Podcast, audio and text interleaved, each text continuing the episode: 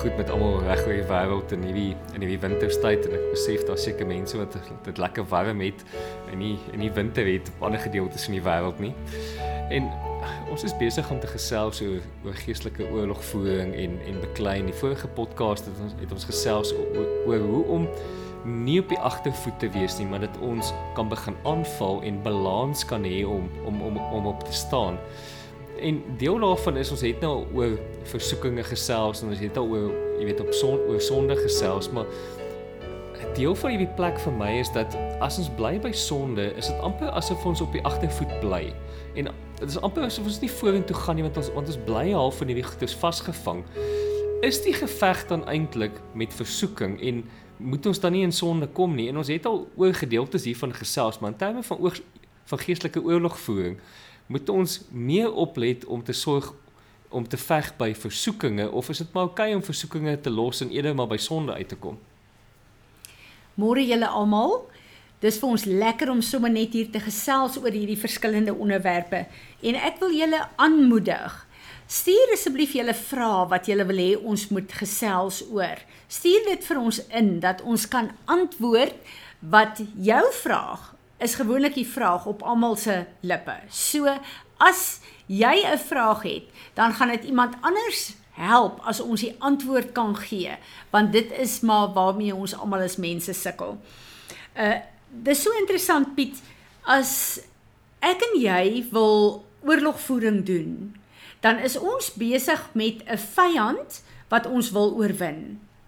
Maar as daai vyand in jou lewe iets sien wat soos hy lyk, dan het hy 'n wettige reg om jou op 'n plek van die Engelse sê defeat te bring. Want jy lyk presies net soos hy. So wat wil jy dan nou eintlik beklei? Jy het 'n unity met hom. En dis baie belangrik dat ek en jy sal weet dat om sonde te doen. Ons het die grootste gawe wat daar is en dit is om vergifnis te vra vir sonde wat wonderlik is. Maar hoekom moet ons op 'n plek bly waar ons sonde doen en dan eers moet bely en eers weer die hele pad moet terugloop vir herstel? Die Here kom en hy kom gee vir ons in sy woord 'n versekering daar dat Daar is geen versoeking, dit wil sê geen aanval van die vyand wat groter is as wat ek en jy kan uh, weerstaan nie. So uh, baie mense sê ek kon dit nie help nie. Nee, dis alleen. Daar's geen versoeking wat sterk genoeg is om my en jou se wil te overrule, soos die Engelse sê nie. Die Here verseker ons in ons woord, geen versoeking kan te groot wees nie. So die probleem behoort nie te wees by die sonde en waar ons geval nie. Die uh die plek waar ek en jy moet vrykom van is dat ons versoeking moenie oorgaan in sonde nie. So as ek en jy kyk na waar ons versoek word, dis die plek waar die woord van die Here sê nou moet ons ons gedagtes gevangene neem.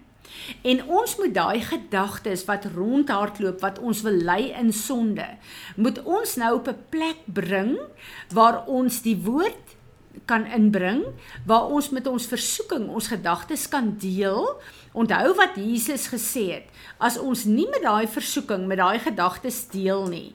En ek en jy het byvoorbeeld 'n hele prentjie van uh uh kom ons uh, uh neem byvoorbeeld 'n lust. Sê ons het nou 'n pornografiese ding gekyk en nou begin daai gedagte in ons kop inspeel en nou uh uh hou ek en jy by daai gedagte. So ons ons speel met daai prentjie in ons kop. Dit is die plek waar dit sal oorgaan in sonde. Ek en jy moet kom en ons moet daai gedagtes gevangene neem. As jy betrokke was by pornografie, is dit die plek waar jy vergifnis moet vra. Die Here moet vra om letterlik daai goed te delete uit jou kop uit, sodat daai versoeking wat na jou toe kom, nie kan oorsit in sonde nie. As ons nie met versoeking deel nie, gaan dit oorskakel in sonde. So dis die versoeking wat ons gaan keer as ons op die regte manier daarmee deel om oor te gaan in 'n sonde wat ons moet doen. En uh dis so belangrik om te weet dat hierdie goed kom in ons gedagtes in. Dan word dit in ons hart ingeplant. En die oomblik as jou hart, dis hoekom die woord van die Here sê dat wat jy in jou hart bedink, is wat jy is. Daar's letterlik 'n plek waar jou hart ook 'n brein is, waar jou hart in agreement moet kom met jou gedagtes. En dis hoekom die Here vir ons sê, neem jou gedagtes gevangene. Toets dit aan die woord van die Here en kanselleer dit, anders gaan dit verseker oorgaan in dade in. So as ek en jy met versoekings deel, dan moet ons seker maak dat die waarheid van God se woord ons was op daai plek. 'n Skrif wat ek baie gebruik in hierdie opsig is uh wanneer jy hierdie goed in jou gedagtes het, wanneer 'n versoeking kom, speel jou wil 'n groot rol. En ek en jy, volgens ons ou natuur en volgens die bestek in hierdie wêreld moet verstaan, ons wil eintlik sonde doen. Dis ons vlees wat die heeltyd in stryd is met die gees van God en die woord van God. So daar's sekere plekke met sekere goed waar hierdie oor 'n versoeking so groot is dat ek dit nie wil bely nie. Ek wil nie daarmee deel nie. Ek wil toegee aan hierdie sondige praktyke. Dan kom Filippense 2 vers uh, 12 en 13 is een van my kragtigste plekke waar ek kom Filippense 12 sê dat daagliks moet ek en jy met angs en bewering ons redding uitwerk. So ek en jy moet sorg dat ons sielste mensie en ons begeertes gered bly deur die woord van God. En dan kom ek en ek sê vir die Here, Here, hier is 'n plek wat ek so goed verstaan wat Paulus sê, dit wat ek moet doen, dit doen ek nie. Dit wat ek nie moet doen nie, dit doen ek. Wees my genadig.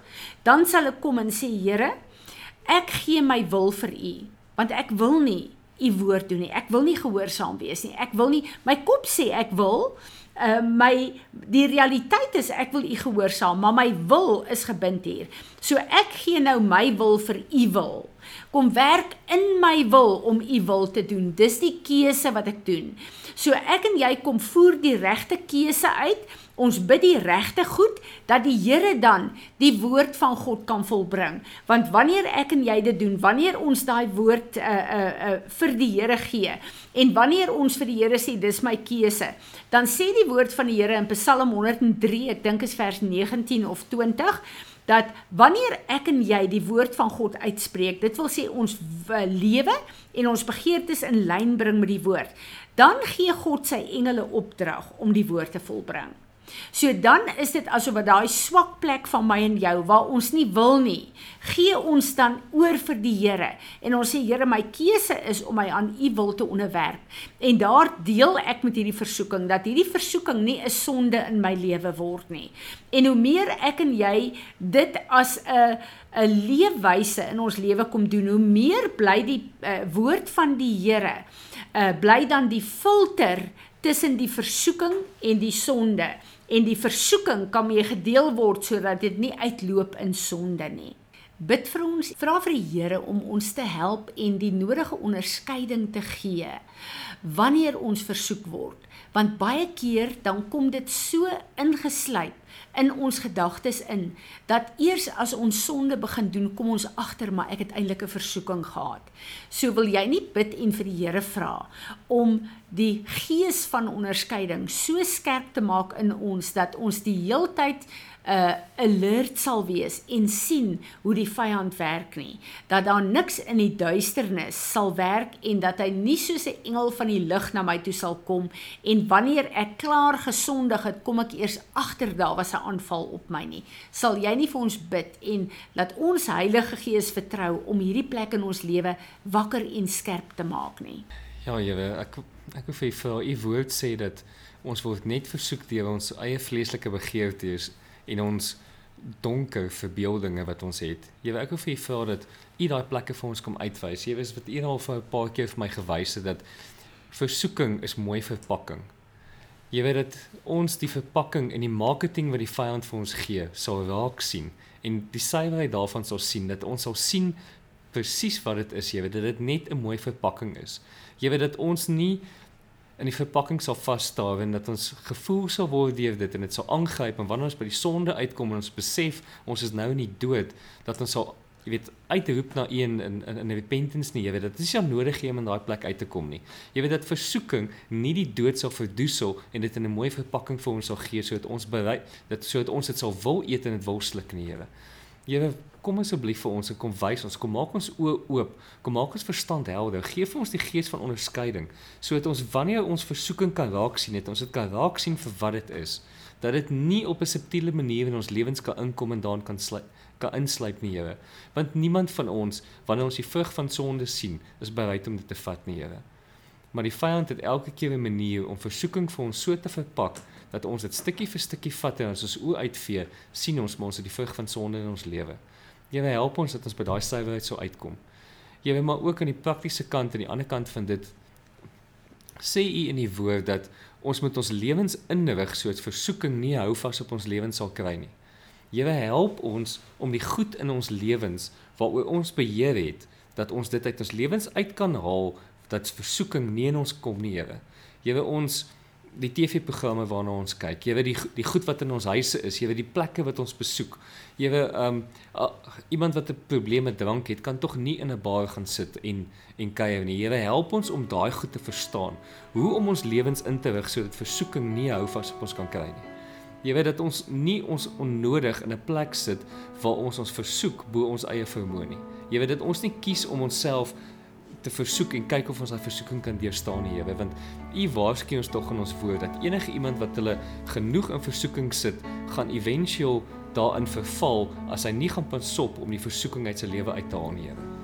Here, help ons op daai praktiese vlak om om ons lewens in te rig om hierdie goeders weg te kry, Here, en dan in ons gedagtes dat ons dit gevangene kan neem en dat ons die versoeking kan raak sien vir wat dit is, Here. Here, help ons om hierdie ding uit te loop dag vir dag. Dankie, Here. Amen.